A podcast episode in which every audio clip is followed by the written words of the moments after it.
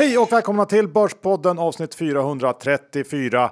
Vi ska gå direkt till vår kära huvudsponsor som ju är Skilling, den svenskägda multi-asset tradingplattformen som fokuserat på säkerhet, snabbhet och enkelhet. Ett annat område som Skilling lägger ner mycket kraft på, det är krypto och eh, kryptomarknaden har exploderat de sista åren.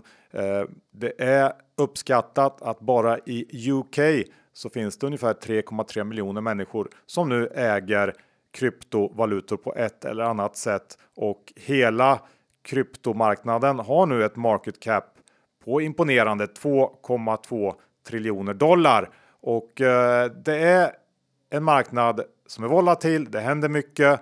Eh, man kan eh, både tjäna och förlora mycket pengar och hur ska man tänka John egentligen? Ja, men det är det som är det svåra och också gör det intressant. För när det gäller bitcoin som inte riktigt har något underliggande värde, eh, vad man vet, eh, så gäller det att kunna hantera sina känslor, att eh, vara trygg i sin position, inte kanske ha för stor, inte vara för eh, rädd om den heller. Exakt och såklart läsa på om allt som händer. Just nu så blåser regleringsvindar gällande krypto runt om i världen som såklart kan och kommer att påverka eh, priset på rätt många kryptovalutor.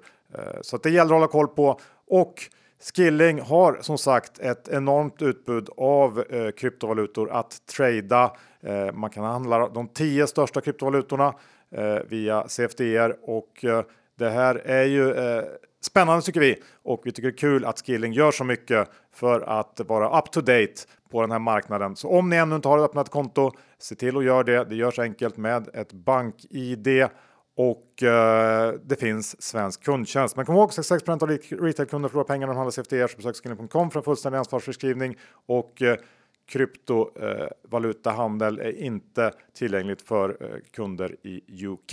Vi säger stort tack till Skilling! Vad kommer vi att prata om idag John? Ja, det kommer vara en liten oro som jag känner gnagande inom mig. Det kommer också vara så att jag ger några karriärtips. Dessutom har jag hittat några intressanta bolag man kan köpa, men även ett bolag man ska hålla sig borta från. Bara du, du, du. Ja, men sån är jag Johan och jag tror det är många som tycker samma sak. ja, jag har också lite grejer att ta upp. Vi har denna vecka den stora äran att vara sponsrade av Fidelity. Och Asien är ju som många vet ett av Fidelitys fokusområden. De har 50 års historik av att göra affärer i Asien och det här är en stor marknad. Det är många länder och många investeringstillfällen. Ja, för det är faktiskt så att 60 eh, av jordens befolkning bor i Asien. Ja, det är mer än bara Kina och Indien och Fidelity har ett stort fondutbud och då lokal kännedom, vilket vi uppskattar väldigt mycket. Och hela Fidelity Internationals utbud hittar ni på deras hemsida fidelity.se eller hos de stora handelsplattformarna eller försäkringsbolagen.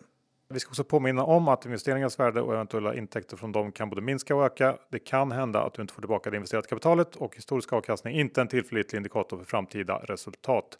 Våra sponsorer tar inget ansvar för det som sägs i podden och åsikter uttryckta kan redan agerats på och inte längre gälla. Det är också viktigt att läsa prospekt samt KID dokument och investeringar på tillväxtmarknader kan vara mer volatila än på andra mer utvecklade marknader. Stort tack till Fidelity International. Johan Dr. Bass Isaksson, vi har nu ett index som står i ganska exakt 2300. Eh, ganska långt ifrån toppen, eh, ganska långt ifrån botten också. Ja, eh, framförallt långt ifrån botten. Va? Vi är ju ändå bara 4, kanske 5 ifrån de här all time high nivåerna som vi nådde tidigare år. Men det känns ju ändå bäsigt på något sätt där ute tycker jag. Det känns som att det är risk off. Eh, syns ju också i kurserna bland eh, eh, till exempel tech och tillväxtaktier. Eh, många småbolag har också tufft och den här inflationsoron har bitit sig fast. Men det finns ju positiva grejer med det här och det jag tycker är bra med det här lite kyligare klimatet som man ändå får säga att det är, i alla fall längre ut på riskskalan, det är att det pyser i luften ur delar av marknaden som visat tydliga tecken på överhettning. Eh, det är såklart långt ifrån någon bäs, men om det ska fortsätta upp så måste vi då och då släppa lite på trycket. Och eh, en del av marknaden som jag tror skulle må bra av en avkylning nu, det är ju noteringsdelen. Det har noterats enormt många bolag i år. Det känns som att det har accelererat här in i Q4. Och eh, ett problem med det här det är ju att kvaliteten på bolag som kommer in på börsen blir sämre och sämre. Sen suger det också på något sätt likviditet från andra delar av marknaden. Eh, det här är främst ett problem för de mindre bolagen och eh, mängden nya bolag gör ju också att många glöms bort i bruset här. Och eh, för den som orkar göra jobbet så kommer det antagligen gå att göra fynd när många som köpt för att snabbt göra ett klipp dumpar ut sina aktier. Så det tycker jag man kan titta lite på om man orkar göra jobbet som sagt. Ja, men många bra poänger där. Det har ju noterats omkring 160 bolag i år, vilket är enormt mycket. Det har sugit mycket kapital som du säger. Eh, och många av de här bolagen har ju varit enorma eh, besvikelser som vi ska gå in på eh, senare också. Så att verkligen gör jobbet så kommer du hitta några fynd, både bland nya aktier och som du sa själv förra avsnittet, begagnade. Alltså de som redan är noterade, men lite bortglömda. Ja. Nu vill jag veta vad du är så orolig för Jan. Ja, det ska du få göra. Och eh, för första gången på länge är jag lite orolig för den ändå krispiga situation eh, som vi och nästan alla som lyssnar på den här podden har haft de senaste 10-15 åren. Eh, och anledningen till den oron är Magdalena Andersson. Tidigare har jag ju sagt att ett problem för Sverige har ju varit att vänsterfalangen har varit för dumma och okunniga om ekonomi. Men det kan ha förändrats nu. Eh, för vänstern har ju slagit för meningslösa saker som höjt bostadstillägg för ensampensionärer eller högre bidragsdel på CSN, medan man helt missat saker som att det nästan är noll i fastighetsskatt och nästan i noll i skatt på ISK och eh, att det är i princip noll i skatt på att köra en eh, Tesla. Und so weiter Johan, som de sa i gymnasiet, alla som hade lärt sig något av sin pappa. Var du en sån typ? Lite så. Va? Osäker nu vad det...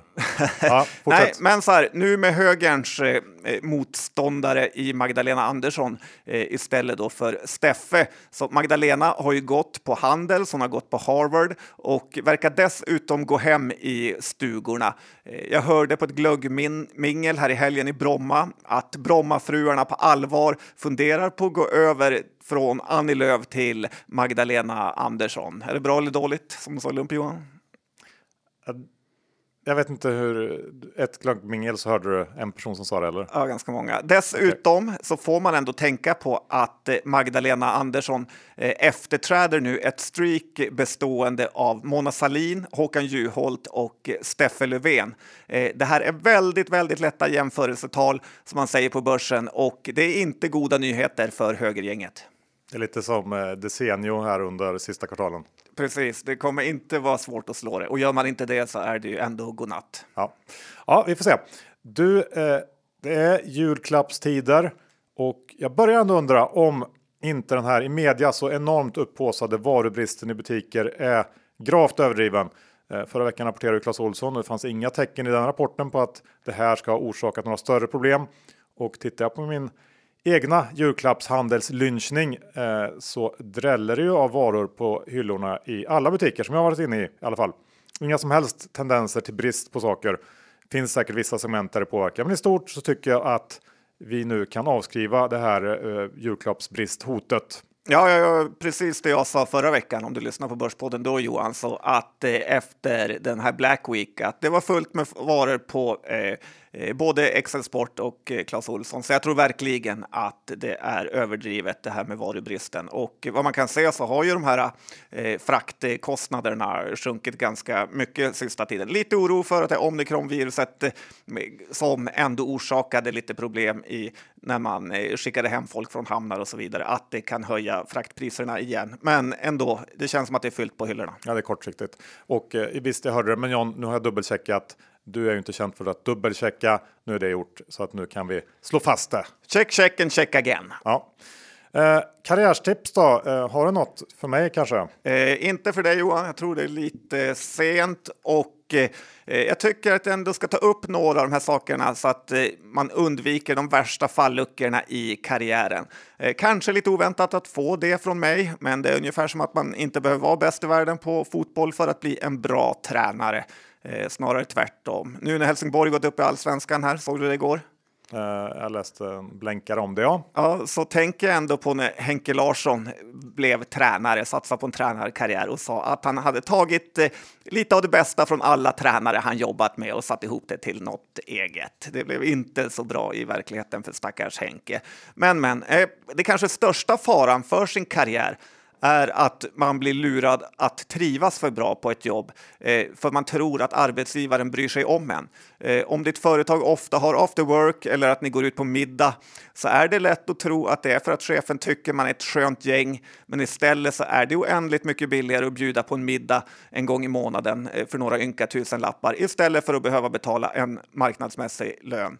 Eh, ett annat sätt att märka på det är att eh, Eh, man oftast bara jobbar med unga personer som är lite av låglöneanställda. Eh, och som alla vet är det extremt svårt att höja sin lön på samma jobb eftersom det är en viss lönekultur som gör att man aldrig kommer få en särskilt eh, hög lön. Så att alla ni som jobbar på PWC eller Ernst Young för den delen, eller några av de svenska nätmäklarna, jag hoppas ni lyssnar lite extra noga nu. Bra tips kanske. Jag vet inte riktigt, du har inte jättemycket erfarenhet av det här, men ehm, ändå kul att du ger in. Jag vet hur man misslyckas Johan, det är min det är grej. Sant i för sig. Uh, en av mina favoritfilmer John, när jag var liten, det var uh, Showdown in Little Tokyo med Dolph Lundgren. Okej, okay, jag trodde du skulle säga något som gick på Kanal Plus nej, mitt nej. i natten. Nej, en annan uh, typ av favorit. Nej, men den har man hyrt några gånger kan jag ju säga. Och nu börjar det faktiskt torna upp sig till en liten showdown här i Sverige. För igår så eh, blev ju Axfood ny storhägare i Mathem. Eh, de sålde sitt Mat.se till Mathem. Eh, och samtidigt så är ICA på väg att lämna börsen. Kanske för att som man säger göra en del nödvändiga investeringar som passar sig bättre i onoterad miljö. Eh, ICA har ju verkligen en hel del att jobba på när det gäller näthandeln. De har ju en helt, va helt vansinnig modell där varje butik har sin egen lilla nätshop och Eh, ja, jag tror att de är ganska rejält oroliga eh, för den biten. Eh, så det här tycker jag är lite spännande. Och som du brukar säga John så är det nog så att det är alla vi kunder som i alla fall kortsiktigt nu blir vinnande på den här utvecklingen som vi ser i Mat-Sverige. Ja, härligt att få leva just nu. Visst är det?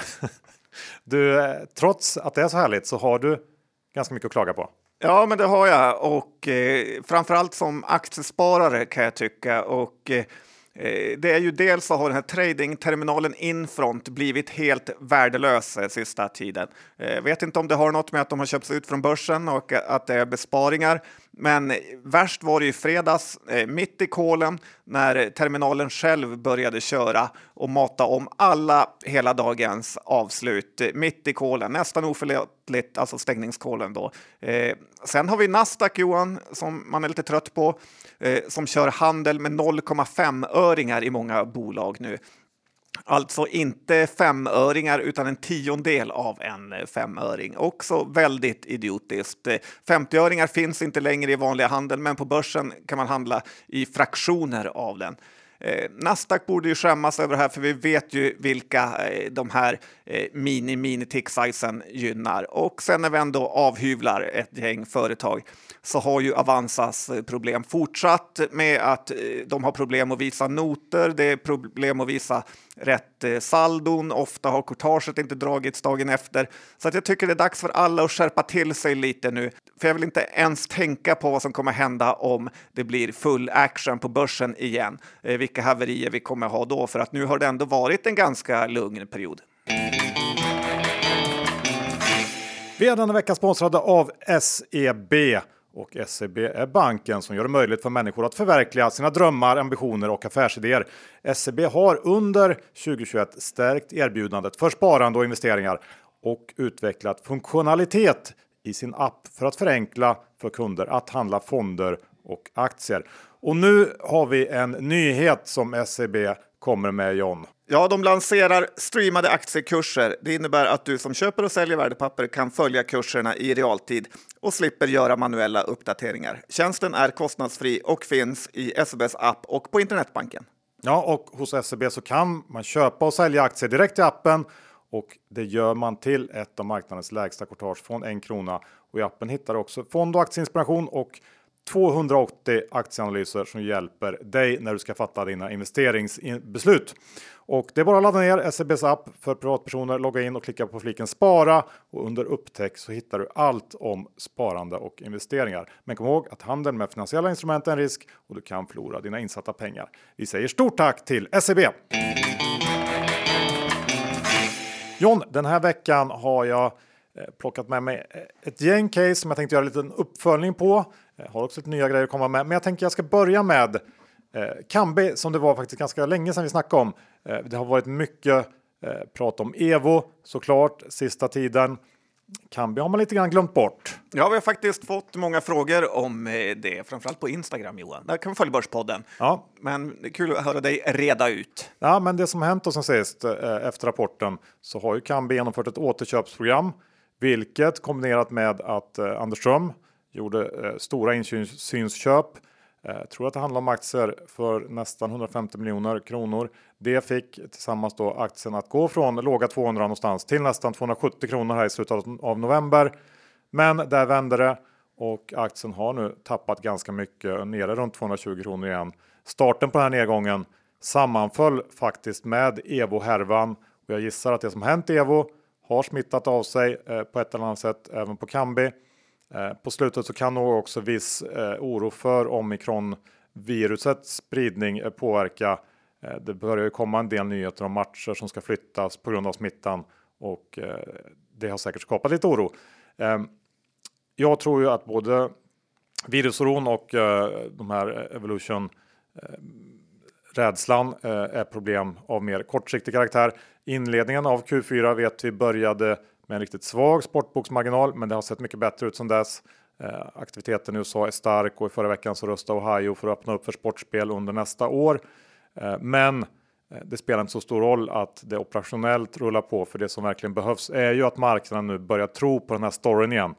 Eh, för som det är nu så tvivlas det på kan man väl säga om det här med en outsourcad sportbok ens är något alternativ för större operatörer. Och för att det tvivlet ska försvinna så krävs antagligen nya kunder och eh, tecken på att stora operatörer börjar svänga.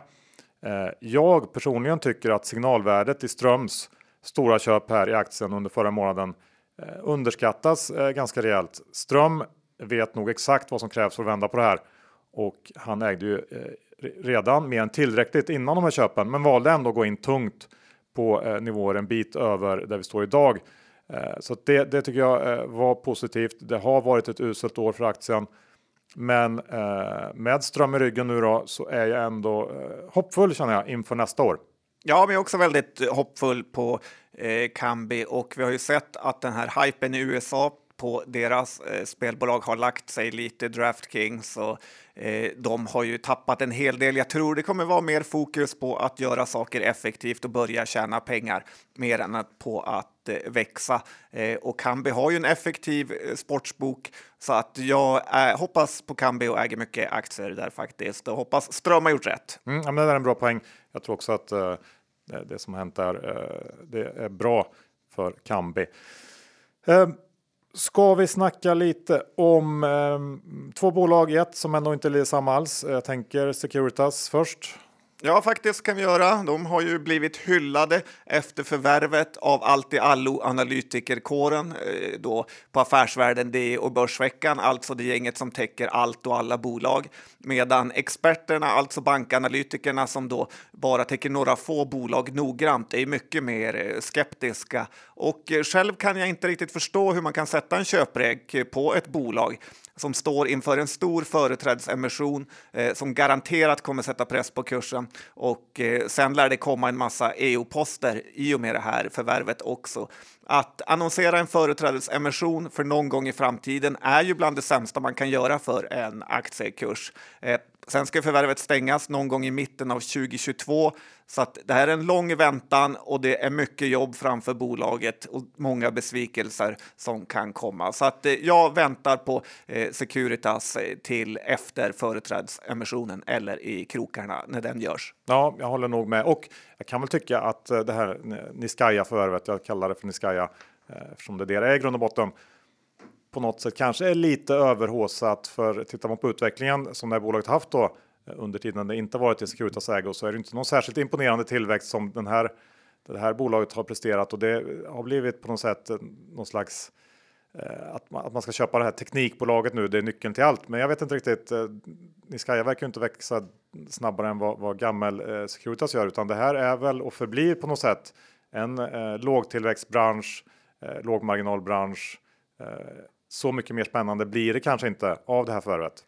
Nej, man får hoppas att eh, Securitas-aktien droppar ordentligt så att det ändå känns eh, köpvärt någon gång för oss som inte äger. Eh, men ett annat bolag som jag tycker är lite intressant i och med det här och som jag har också köpt på grund av den här Stanley-affären, eller Niskaya som du kallar det, old school, är ju Dora-avknoppningen Care, eller vad säger man egentligen Johan? Eh, Carium heter de. Precis, kortnamnet är Care, eh, som då säljer tjänsten åldringslarm och eh, alltså inte så långt ifrån det Stanley gör med larm och just den här sektorn tycker jag verkar vara ganska het och det måste finnas någon anledning till att man har gjort den här avknoppningen med Doro och Care. Eh, Care långt ifrån billigt, men jag tycker ändå eh, att det är för intressant för att inte våga ta ett litet bett eh, så om aktien fortsätter ner får man väl snitta ner sig. Eh, det är möjligt också att det är många som rensar ut eh, sina poster i sådana här pyttebolag inför nyår som man kanske ska snappa upp.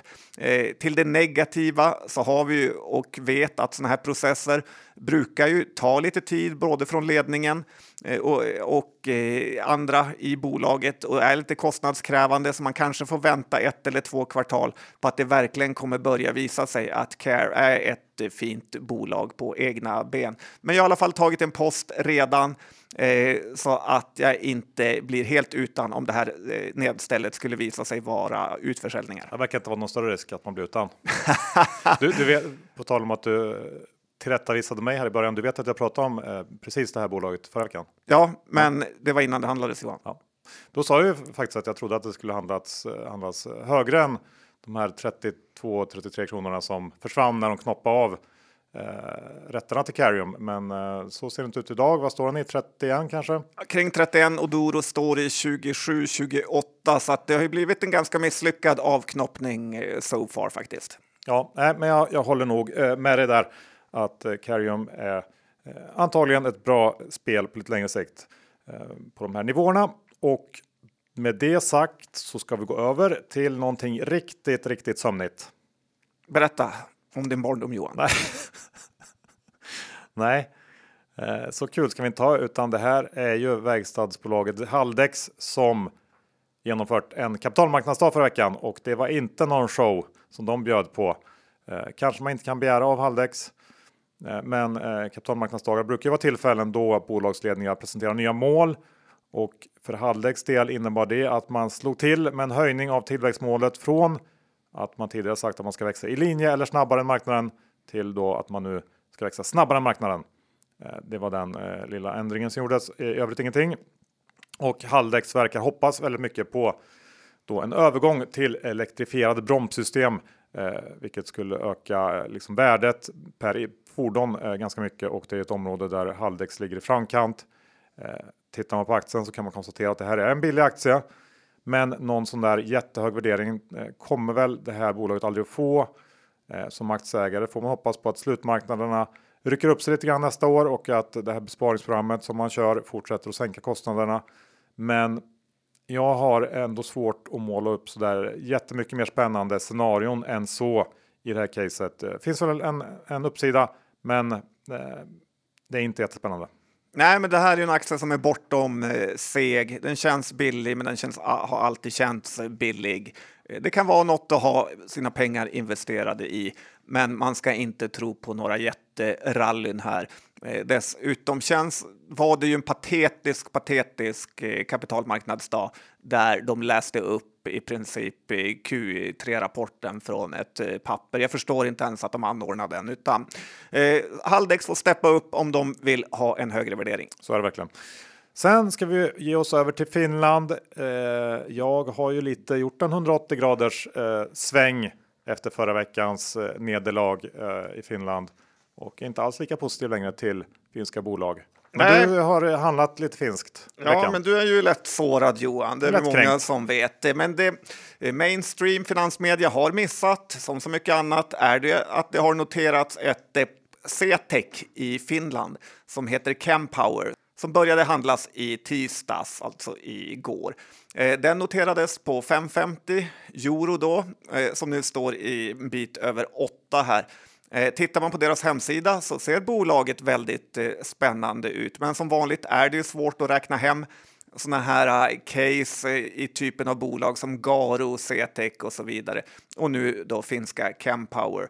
Eh, men med det sagt så är det ju absolut inte ointressant utan eh, snarare tvärtom med tanke på hur hypade de här bolagen är.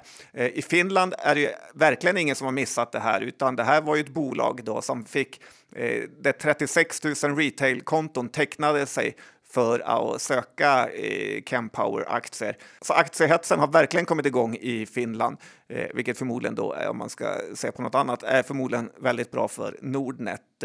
Men ytterligare en intressant eh, sak med Campower var att de hade en så kallad brown shoe. Har du hört talas om det tidigare?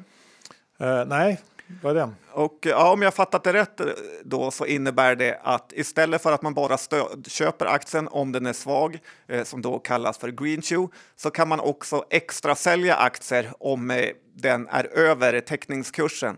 Eh, dels för att få in mer pengar, men också för att eh, lugna den tillfälliga aktiehetsen och ge fler människor chansen att eh, komma in på mer rimliga nivåer.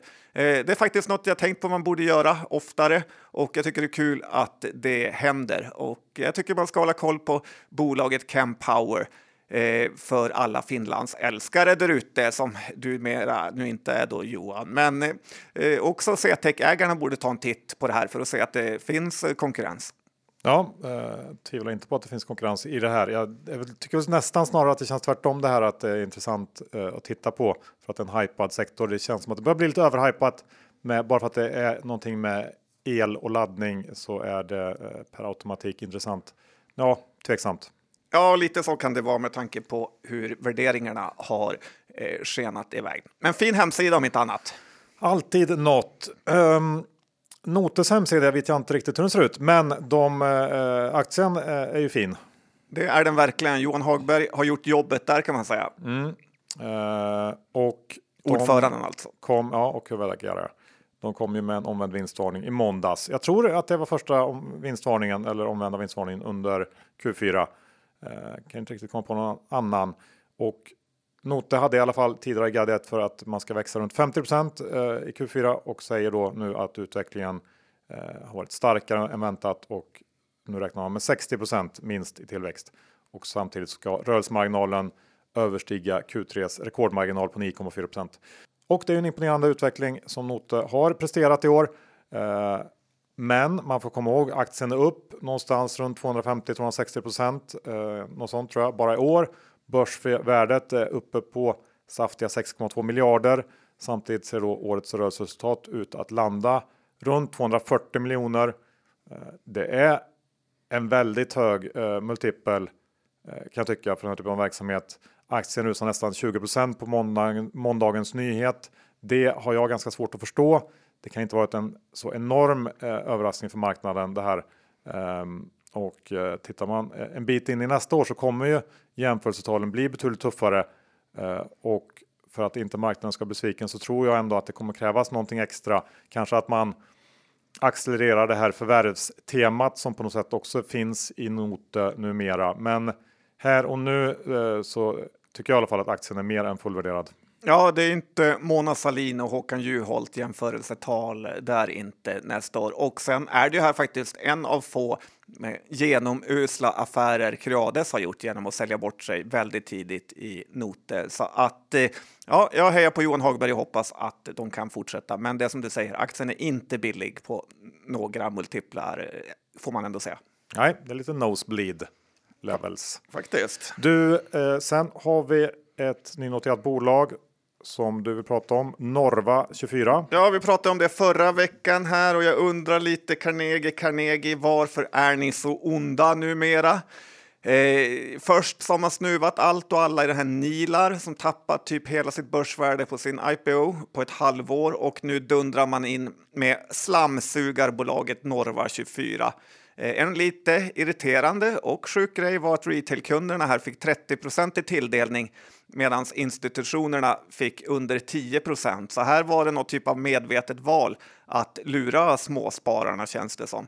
Aktien gick in på 36 kronor och handlas nu 31, så det är ingen brutal krasch. Men lite kan man ändå fråga sig vart det här enorma säljtrycket kommer ifrån. i en aktie som just eh, noterats. Eh, köptrycket har i mångt och mycket varit stödköp, men säljtrycket i en sån här IPO eh, kan man anta då kommer antingen från företagare som sålt eh, sina slamsugarbolag eh, till serieförvärvaren Norva och fått betalningen i aktier och nu cashar ut på börsen. Eller så har Carnegie hittat väldigt svaga tagare, att det nästan blev pinsamt uppenbart där. Ett tredje alternativ är ju att man eh, kanske helt enkelt bara prisat Norva 24 alldeles för dyrt, att girigheten var för stor. Eh, jag förstår faktiskt inte den här taktiken med att man försöker kräma ut absolut sista kronan i eh, IPOer och sen bli fiaskostämplad istället för att köra lite mer den här per H-taktiken eh, att sälja mindre aktier billigare och förhoppningsvis då få behålla aktier själva och att de stiger i värde så kan man sälja dem senare. Men för att en sån investmentbank kör lite pump and dump på småsparare tycker jag är fult. Eh, eller som en anonym tagare sa Johan.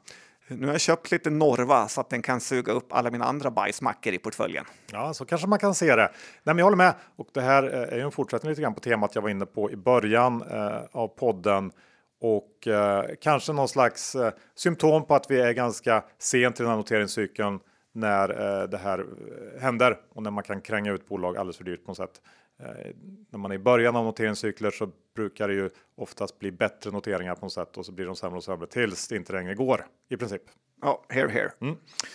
Eh, det är dags för en till uppföljning. jag tänkte det passar bra nu när ehm, kryptomarknaden har darrat lite sista månaden.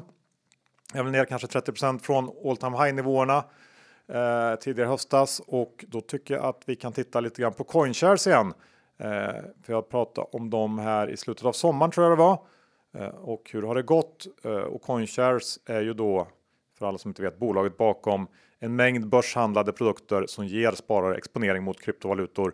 Eh, de mest kända är ju Bitcoin XBT och eh, Ethereum XBT eh, CoinShares var väldigt tidiga med att skapa den här typen av kryptoprodukter, vilket då har gjort dem till en storspelare i den här delen då av kryptovärlden.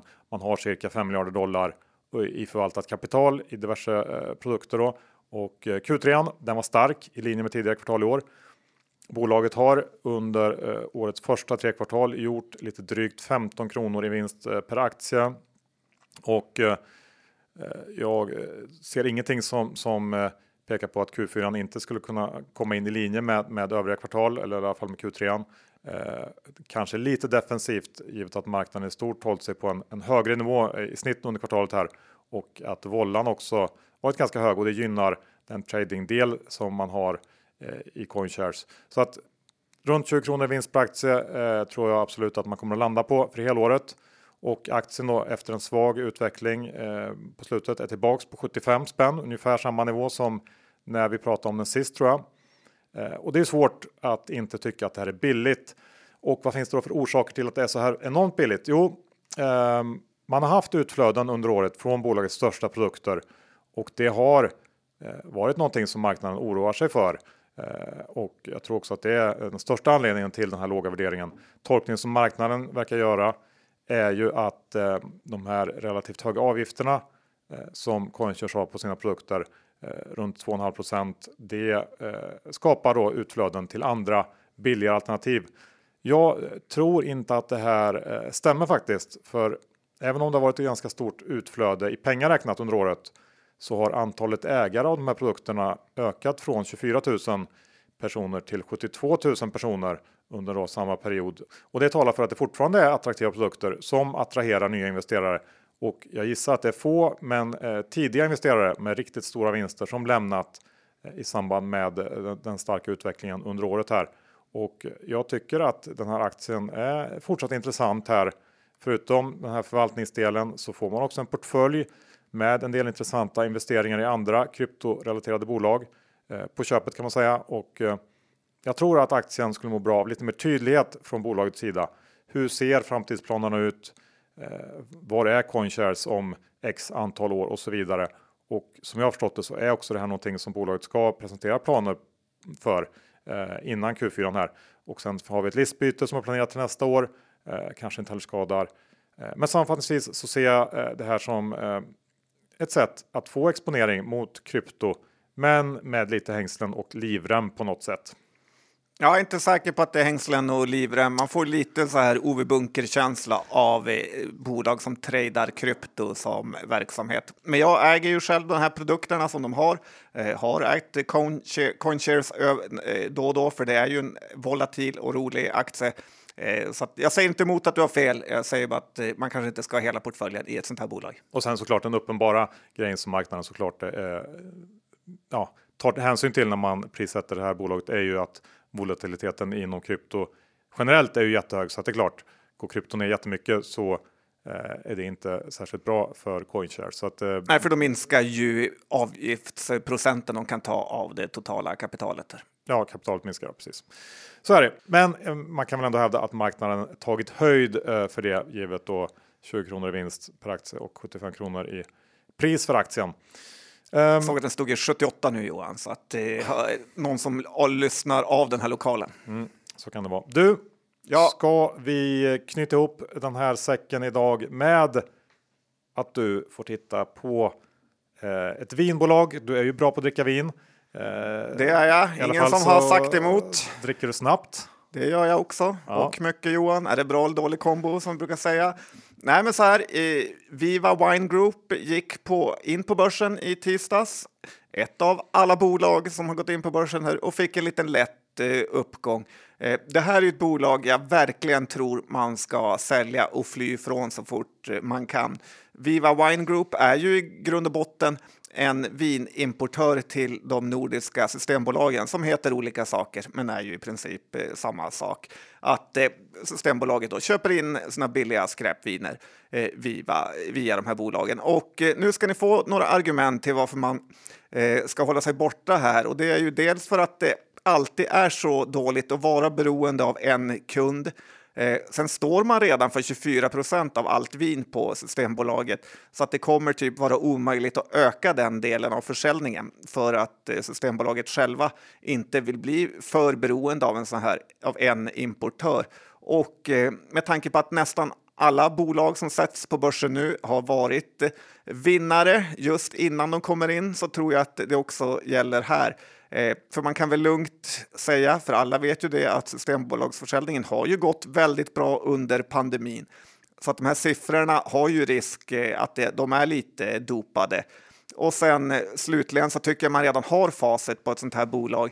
Om man tittar på norska Arcus eh, som noterades för några år sedan och lyfte väl aldrig riktigt och nästan blev ett fiasko innan det gick ihop med ett finskt bolag och nu heter den här eh, sammanslagningen Aunora Group. Och, eh, så att jag säger sälj Viva Wine Group. Okej, okay, jag håller nog inte alls med faktiskt. Nej. Uh, du kan visst, allt om den här sektorn? Nej, eller? men den här systembolagsgrejen är ju en sak, men sen så har de ju den här eh, delen i eh, handelsdelen som jag tycker är, är väldigt spännande och det är väl det de satsar på. Det är därför de tar in pengar också antar jag. Nu har inte jag läst på jättemycket om det här, men som jag förstår det för att fortsätta köpa e-handels firmor inom det här och eh, jag tror ju verkligen på den typen av försäljning av vin. Uh, har själv testat det här lite grann och tycker ju att det är supersmidigt att få det hem till dörren.